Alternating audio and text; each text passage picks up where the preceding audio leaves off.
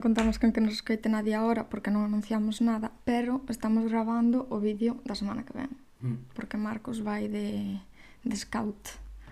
Como que scout? Non, chico, con cartas, aí a fazer miñas movidas. Pero que me fai máis gracia dicir que vas de scout, porque é máis unha secta.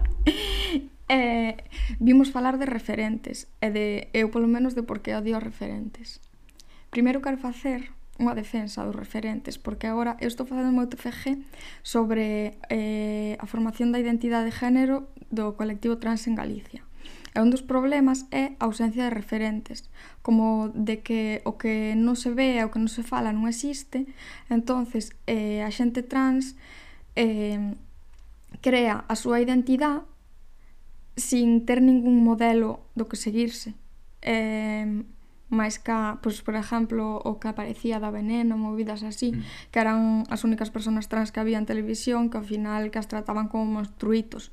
E que é normal que non te queiras identificar con eso, porque ao final, pois ao mellor queres ser outro tipo de, de persona trans.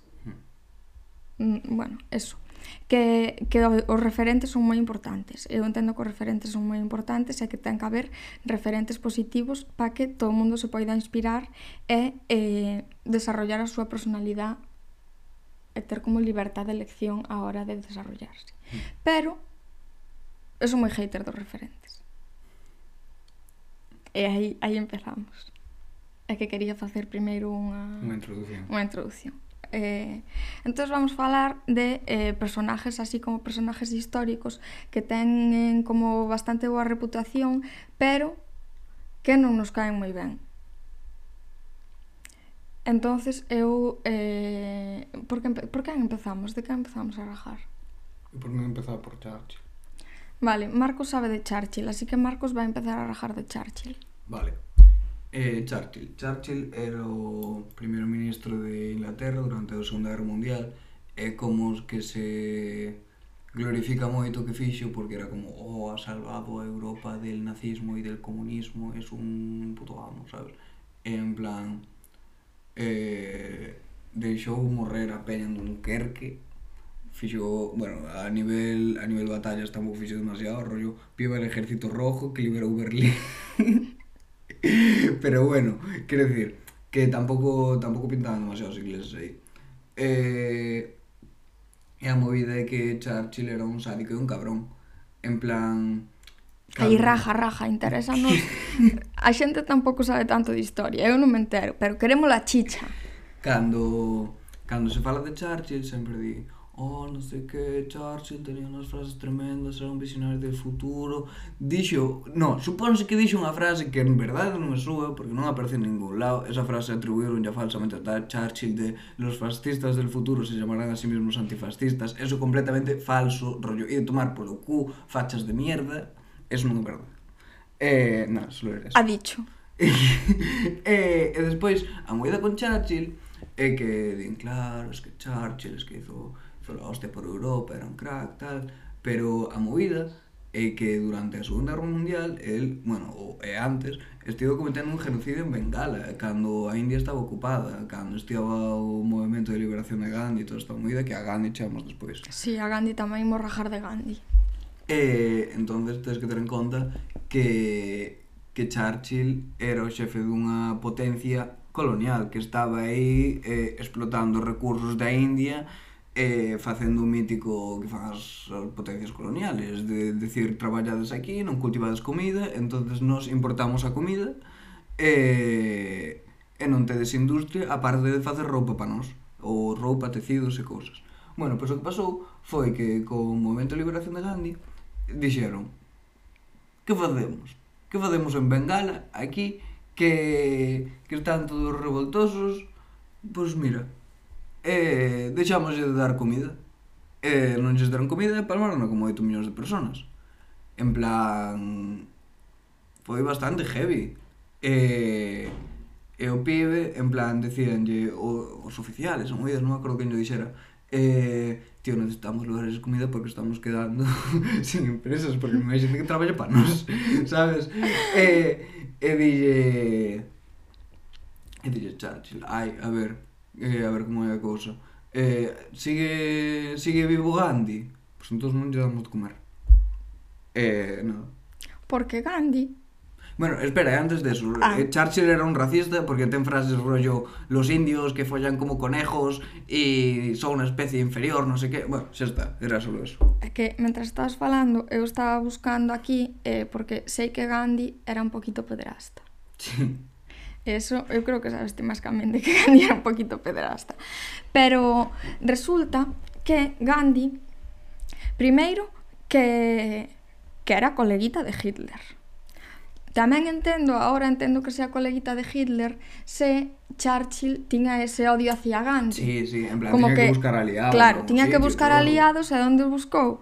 pois no, nos nazis, nos, nos nazis. nazis. sí, efectivamente. De feito, hai unha película que é como que se chama Carta de Gandhi a Hitler ou unha movida así. E el escribiulle unha carta como para que acabase, para que non empezase unha guerra. Entonces a carta empeza e acaba con Querido amigo, que yo dixo Gandhi a Hitler. O sea, Gandhi, Premio Nobel da Paz, dixo a Hitler A su disposición, su sincero amigo. Coleguitas eran. E despois, que me fixo moita gracia, esta fantasía que a tengo que ler así tal cual, vale? Eh, no 1940 llegó a referirse al dictador en términos elogiosos. Atentas no considera a Hitler un ser tan malo como parece o representa. Él está mostrando una capacidad increíble y parece estar consiguiendo victorias sin demasiado derramamiento de sangre. O sea, que a Gandhi o genocidio non lle pareciu demasiado derramamiento de sangre. Pareciulle que as victorias pois que eran como que compensaba. Que, que debían sobrar tantos judíos. O sea, que racista, eras un indio racista, Gandhi, e pederasta, Marcos, cuenta. No, pero eso dixeron, ti era moi... Ah, sí, pois pues eso, que para demostrar a súa pureza eh, dormía en pelotas con, con menores. E eh, xa está, en ah, plan... Eh, o, con, de, o demostrar a súa pureza consistía en non follar claro. as nenas que as que dormía, sabes? Que as que dormían pelotas, sí. Eh, con can... eso falei no contigo, o de que mandaba a xente a morrer, basicamente. Sí, eh, eu estou bastante en contra do pacifismo, en plan, polo rollo de Gandhi, en plan, polo rollo de Gandhi, bueno, sí, eh, polo pacifismo en xeral, porque, por exemplo, cando, cando estivo usando, como para chimpar a Inglaterra e tal, eh, Gandhi, movidas que facía era literalmente poñer a xente diante de filas de policías, e a xente, os reventábanlles a cabeza, disparábanlles, reventabanlle o cráneo, é dicir, que os mandaba morrer e a xente palmaba a centos. E, e despois houve outros eventos como que poñía xente diante de vías de tren, bueno, en vías de tren para que non pasaran os trens e o tren arrollaba a xente. E estou como que como que después de sí, el pacifismo es que es una lucha noble, no sé qué, porque non usas la violencia, no sé qué, non usas a violencia, pero nosotros usamos a violencia, quero decir. O sea, eh, e ademais non usas a violencia como se ti estás dirigindo un movimento no que eh, estás matando a túa propia xente. Que sí. Dalle putos kalashnikovs. Que sí, o sea... chorbo, que che dai a jugar a túa puta peña, sabes? É como, mira, vai matar aí, despois a opinión pública vai dicir, ai, mira, pobriños que os mataron. Carallo. Pero el, el non iba de primeiro, eh? Mm. El non iba de primeiro. Eh, tamén hai que dicir que fixe folgas de fame, toda a movida, por eso estaba esquelético. Pasou fame. Mm. Pasou fame, pero se puxo nas vías do tren. Pasar fame tamén o paso eu cando tengo ansiedade, eh? máis... Ai, que non nos cae moi ben Gandhi. Que é moi ben o, o seu rollo pacifismo, pero a mí non me gusta tanto o pacifismo. Eh? Eu non son partícipe do pacifismo, non me, non me parece que sirva realmente para pa alcanzar algo, porque o único que faz o único que supón que facer é eso é dar pena. Quero sí, decir, é dar un pouco penita. É dar pena... Eu quero que me tengan medo. Público. Uh, non sei que... Queres que te tengan medo? Sí, eu non quero dar pena, quero que me tengan medo. Eso decía Maquiavelo. Decía, si no puedes ser amado, eh, sé temido, pero no odiado eu quero que me teñan medo, porque se te, se te odian, como que se poden rebelar contra ti. Pero se che ten medo, acojónanse. Aquí, neste momento do programa, chegamos ao xe autoritaria. Sí, sí, he dicho. he dicho, autoritaria, falando de autoritaria, María Teresa de Calcuta. Chamabas así? No, Teresa de Calcuta. Non no era María Teresa? Bueno. Non sei, Santa Teresa. Que a señora, que aquí tamén teño onde está documentación que teño que ler do móvil, a señora era bastante amiguita de dictadores, eh? Pero, pero de que dictadores? Pois pues creo que do de Albania e eh, movidas así. Albania era un dictador. É que era, ela era albanesa. Non era india? No, ela era albanesa. Eh, quixo ir a axudar a India. Era, era blanca que iba a axudar os pobres a India. Ben, ben. Era a precursora das influencers da hora que van sacar fotos con negros, sabes? Dándose gafas de sol sí. e bañándose en tempos de sequía.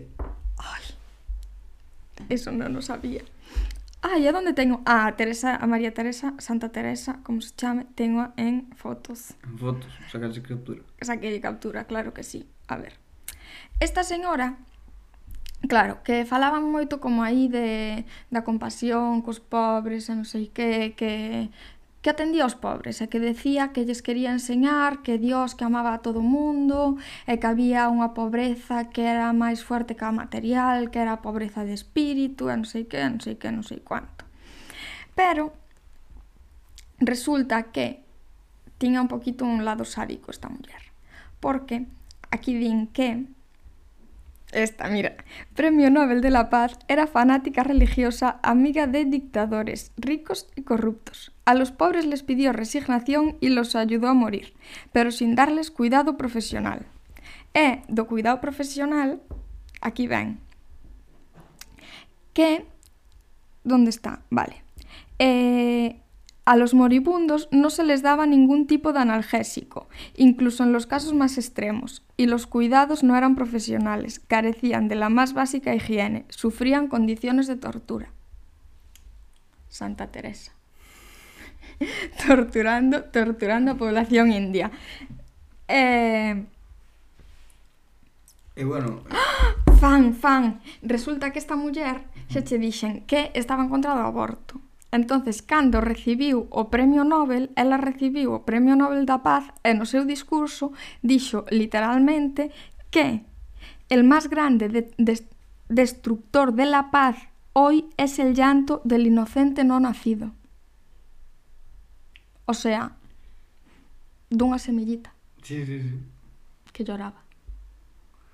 Bueno, a ver, ten sus cositas ten as súas cousitas, non me gusta, non me gusta. E despois tamén decía como que lle import, non lle importaba a religión da que fosen, que elas as monjitas que atendían a todo o mundo, tal, pero que antes de morrer ela como que eh, bautizou a 30.000 personas sabes, como que convertiu a 30.000 personas, lavoulles o coco, e bautizou nas pa que eh, a recibise San Pedro eh, no ceo. Bueno. Adoctrinaba os, os moribundos. Vamos, que esta muller non me cae moi ben. Eh, outra cousa de, de María Teresa de Calcuta. Era de que, Santa Teresa, que non sabemos bueno, a María Teresa. Santa Teresa de Calcuta era que estaba moi centrada no perdón e eh, en, en apandar co que che tocou e non... Que estoica. Ni olvido sí. ni perdón. Bueno, Anónimo Susana, Eh. esto realmente era pa semana que ven, en plan, estamos aquí de estranjis, non anunciamos o directo, pero mira, ti velo aí en Premiere, sabes? Rollo, porque pa semana que ven non puedo estar imos subir isto, así que non pasa nada. Así que, bienvenida. Hoy hablamos pa ti. E nada, eh, que cando, bueno, que se centraba moito no perdón e non que cría no odio, en toda a movida, Eh, entonces eh, houve un, unha empresa que non me acordo como se chamaba realmente que puxo unha, unha empresa química na India. Eh, non cumplía ninguna das medidas de, de protección tal. Eh, entonces o que pasou un día foi que non non fala español siquiera pero como chegou aquí? Que seguro que fala español, é como a Pera outro día que dixo saludos desde eh, de República Dominicana, saludos desde Colombia. Pero se non entendes, jodeste. Gracias por vernos, pero... Veña, sigue ca eh, Santa Teresa. Bueno, que non cumplía ningún requisito de, de seguridade ni nada. Eh, entonces, eh, un día petou, obviamente. En plan, houve unha explosión, eh, tiraron gases por todos lados eh, foi unha cousa peor que Chernóbil. Rollo eh, non houbo como mortos ao principio sabes, de, de primeiras, en plan, sin máis. En plan, houbera como 40 ou así eh, houbo tullidos.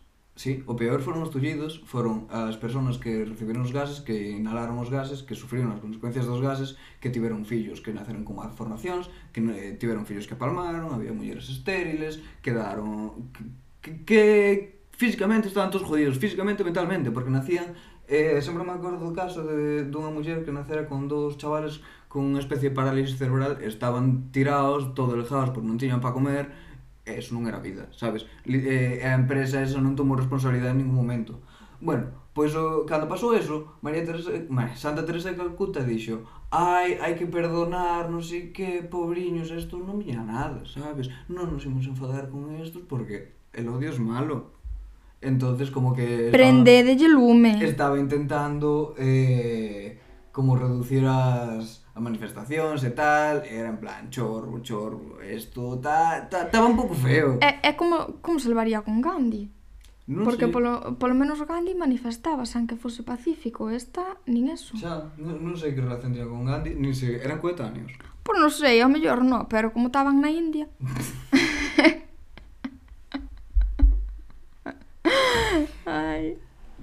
el colonialismo.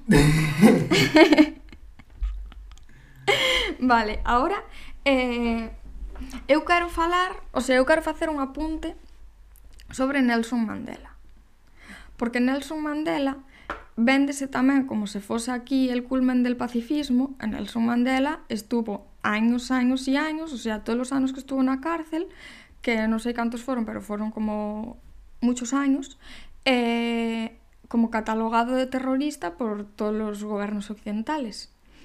E despois, cando, cando foi presidente, acabou co apartheid e rollo ese, xa lle deron o premio Nobel e xa o quitaron da lista negra. Pero, a ver, eu non dixo nada, pero un pouco terrorista sí que era que eu defendo totalmente, eh? Aquí estamos falando de que o pacifismo que tampouco nos gusta... Bueno, estamos aquí, Marcos, aínda nos han meter presos. Por apología ao terrorismo. Por apología ao terrorismo. Nós non decimos nada do terrorismo, pero o que facía este señor a min pareceme moi lícito, porque eh, xuntáronse uns cuantos xuntáronse uns cuantos eh, negros en Sudáfrica e dixeron, pois hasta aquí hemos llegado, estamos hasta a cona desto queremos acabar co apartheid e como acabamos co apartheid? Pois poñemos bombas. Eh, poñían bombas en edificios, eh, eu hasta donde, donde sei, abandonados, non? Si, sí, eran edificios abandonados, paus da luz, e movidas así, en plan, cosas que jodían, pero que non mataban a nadie. Entonces, eh, condenáronos todo o rollo, tal, vale, mal. Eh, quero ver se tengo algo... algo interesante. Bueno. De terrorista a Premio Nobel de la Paz, non sei que. Na, na, na.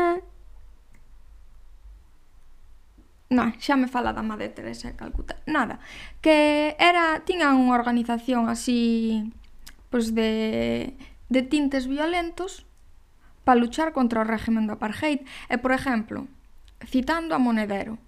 Monedero di que non entende o, o terrorismo, eh, salvo que sea contra un régimen autoritario. Mm. E este era contra un régimen autoritario. Eso el utilizou no para falar da ETA. Nos na ETA non nos imos meter. Nos na ETA non nos imos meter. Pero, pois eu estou a tope con que puxase unhas cuantas bombitas e eh? non matas a nadie. Edificios abandonados. Quería este eh, mazo rojo esto, agudizar las contradicciones. Sí, que Nelson Mandela era comunista, que eso tampouco era, Sí. non se sabía. É verdad, é algo que non se fala. Premio Nobel de la Paz, comunista. Era rojo, eh? E, Como Martin Luther King, que Martin Luther King tamén era socialista. a eso non Pero- sabía eu.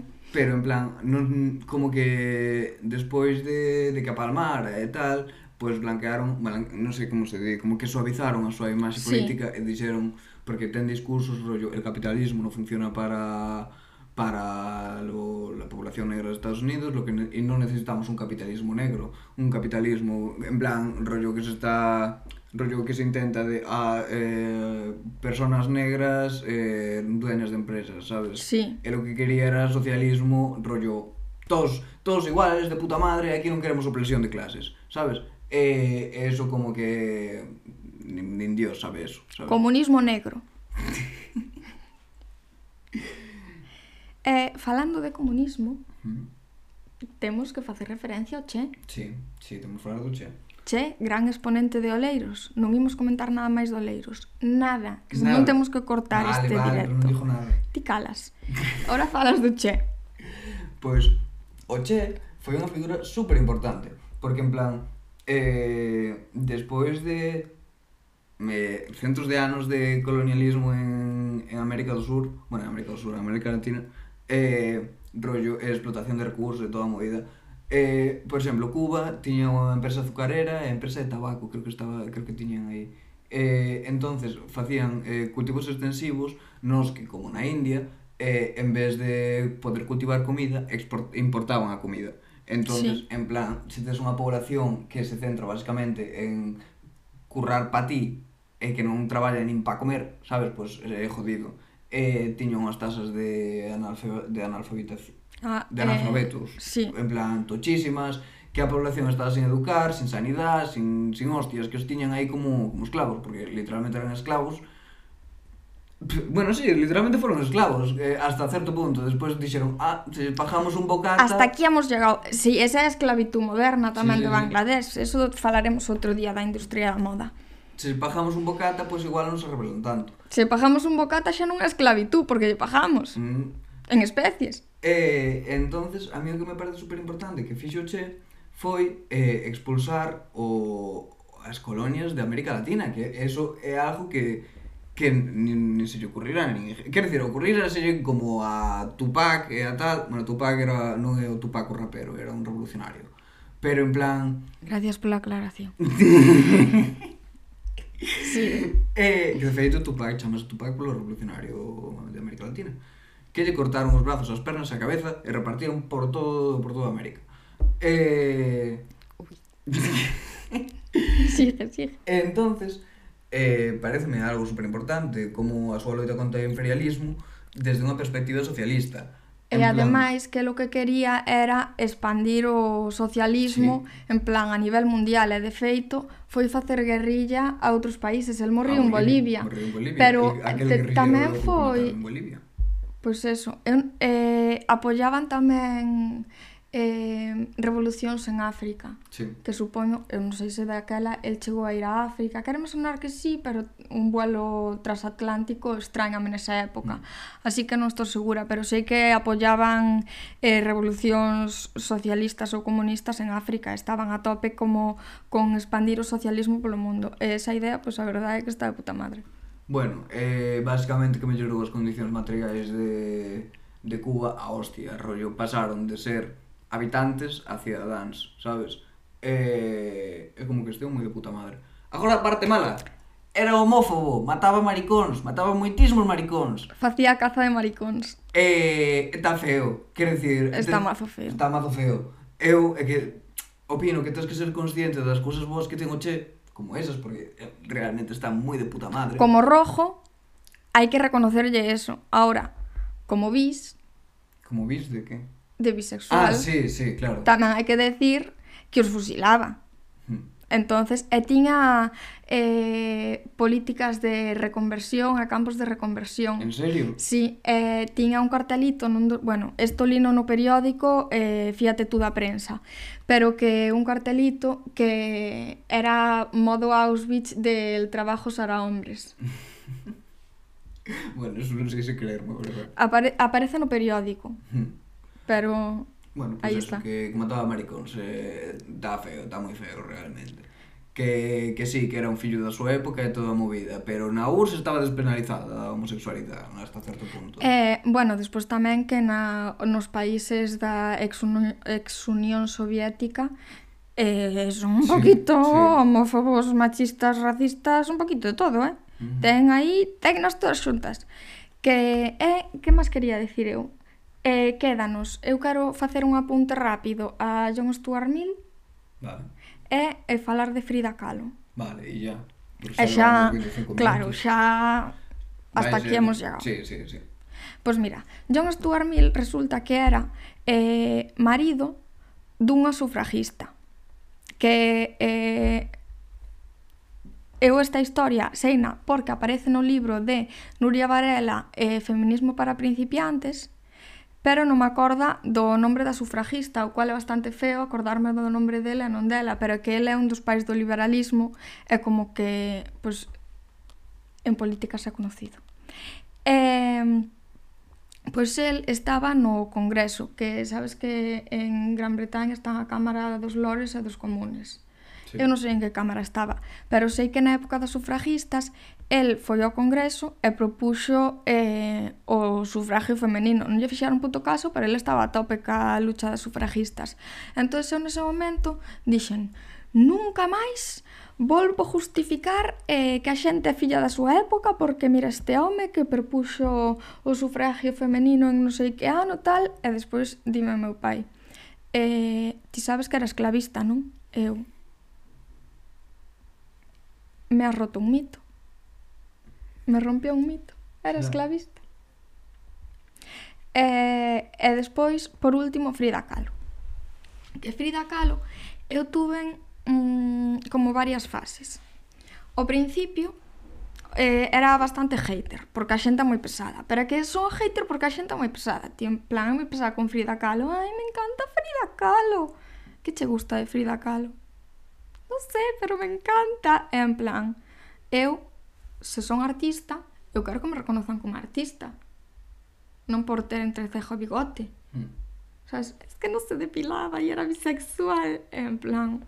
A ver, que tamén é importante que nos depilar e fose bisexual, quero dicir. Sí, sí, pero...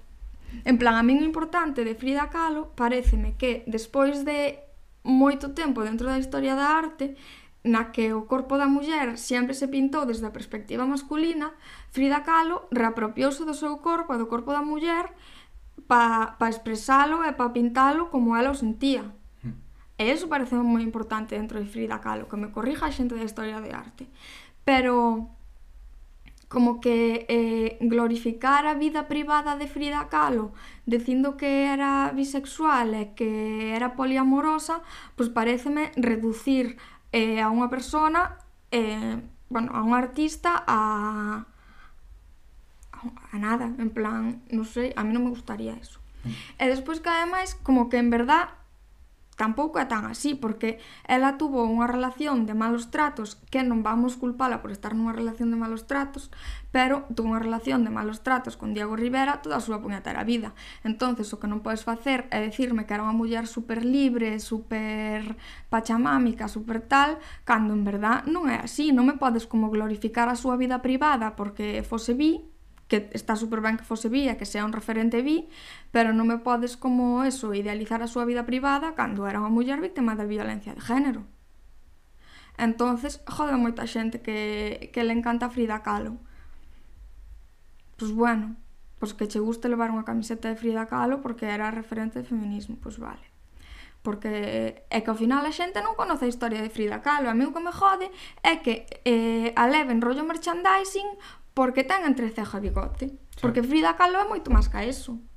Entón, a min, jódeme. Non me jode tanto Frida Kahlo como eh, o amor a Frida Kahlo desde o desconocimiento. Mm. Eh, he dicho. Sabes que, que tamén era Frida Kahlo? Que era? Comunista. Ah, é verdade, era comunista. Enterraron a cabandeira comunista. En serio? Non sabía. Sí, sí, sí, enterraron a cabandeira comunista. Ah, está bien. Eh, ah, ah, esto es salseo, es salseo. Eh, buah, é que a puta ama, eh. eh? aquí sí a puta ama. Esto da súa vida privada. Vale, eh, cando Trotsky se exiliou da, da URSS, eh, porque estaba perseguido por Stalin aí, porque eran como os sucesores de Lenin, e eh, eh, como Stalin pues, pillou ese puesto, a Trotsky pues, lo mandou matar. Eh, refugiouse en México eh, con Frida Kahlo con Diego Rivera, que por aquel entonces xa vivían en casas separadas, en plan como vivían en dous chalés pejaos, pero cada un no seu. E Diego Rivera como que tiña a Trotsky eh, nunha alta estima que flipas, en plan como que eh, viva Trotsky, viva la revolución. Mm. Eh, e Frida Kahlo que sabía que Diego Rivera que o tiña polos polas nubes, se lo tirou. Eu digo, toma, toma. La primera en la frente. Jódete, Diego Rivera. Jódete, maltratador. Entonces, encántame esa historia. Eh, e xa está. En verdad, en verdad caeme ben Frida Kahlo. Ten as súas cositas, pero que eu hai moita xente da que falamos que, que, me, que me cae ben, pero como que hai que ser consciente de que ningún personaje é tan tan neutro, tan idílico e tan tan blanco como poñen eh, pois, ao final, como a idea que temos no imaginario colectivo desa persona, sabes? Porque ao final, é eso, son fillos do seu tempo, estamos cheos de contradiccións, e son necesarios referentes, como dixamos ao principio, pero hai que ser consciente de que esos referentes eran personas e de que teñen detrás, pois eso, pois cositas. E podes seguir gustando, podes seguir defendendo a che a muerte, podes seguir defendendo, pero saber que facía cazas de maricóns tamén está ben. E pode ser un mazo pacifista, pero saber que Gandhi era amiguito de Hitler, pois... Tamén foi a Italia fascista, de viaxe. De Hitler e de Mussolini. Polo que vemos. Eh, quedanos algo máis? Non, eu diría que xa está. Pois xa está. Bueno, pois... Gracias a que nos escoitou, que sigue aí... Anonymous Ana. Anonymous Ana, que eu uh. entendo que se es Anonymous porque é sana, non? O sea, non sei, bueno, eso, que moitas gracias eh, por escoitarnos, por aguantarnos hasta ahora, eh, que nada, que pa semana que ven xa será hoxe, o sea, que estamos falando desde o futuro, sí, porque hoxe é cando eles o van ver, o seu hoxe. Sí, sí, sí. Ahora ten sentido. Pois nós estamos no domingo pasado, pero surprise. Ala, corta aí. Con Dios.